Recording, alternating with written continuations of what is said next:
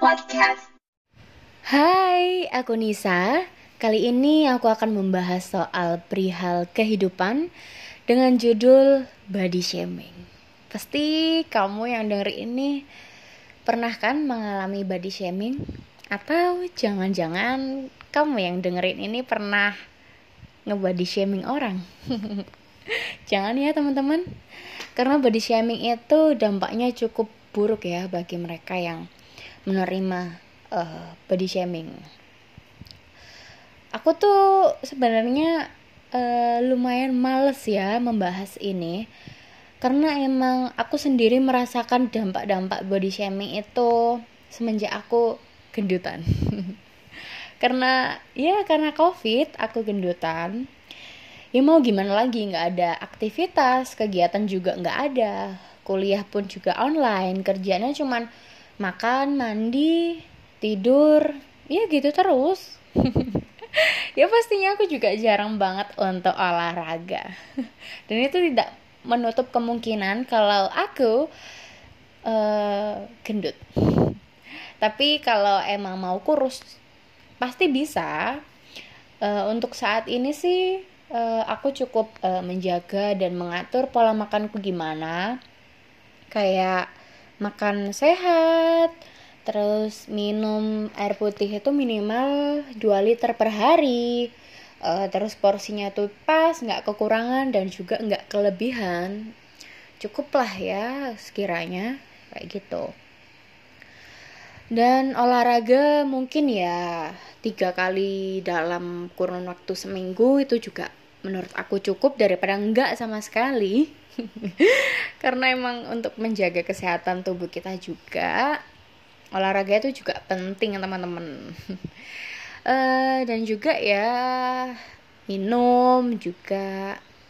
Nah membahas soal dampak buruk body shaming ini itu benar-benar banyak banget dampak buruknya ketimbang baiknya yang pertama itu ada mengurangi rasa percaya diri.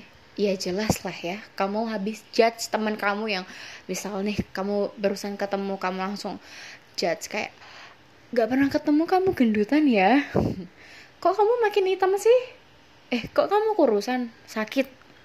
Nah kata-kata seperti itu menyakiti hati para um, apa ya para para mereka yang kena body shaming itu langsung kayak percaya dirinya tuh menurun gitu loh. Kayak udah nggak pede lagi pakai apa-apa kayak takut e, aku cocok nggak sih? Aku gendutan nggak sih? Pasti mikirnya seperti itu lebih kayak overthinking gitu ya.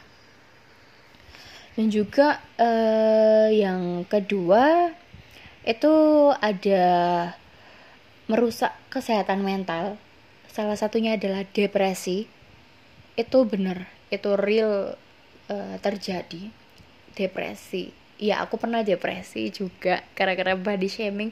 Itu benar-benar bikin mood itu langsung hancur kayak udah nggak mood makan nggak mood ngapa-ngapain.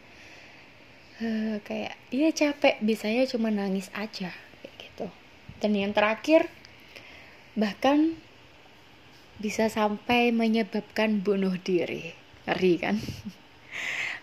Ya nggak menutup kemungkinan para uh, korban body shaming ini sampai bunuh diri akibat nggak kuat sama uh, perkataan orang yang menyakiti mereka gitu ya. Jadi menurut aku uh, yuk kita stop body shaming karena uh, belum tentu kamu para pelaku body shaming itu hidupnya tuh bener kayak penampilan kamu tuh bener tuh enggak. Kan para pelaku body shaming kan selalu ya mengomentari fisik orang lain mengomentari penampilan orang lain yang menurut dia tuh beda. Padahal jadi beda itu nggak masalah. Dan itu nggak sepenuhnya salah gitu.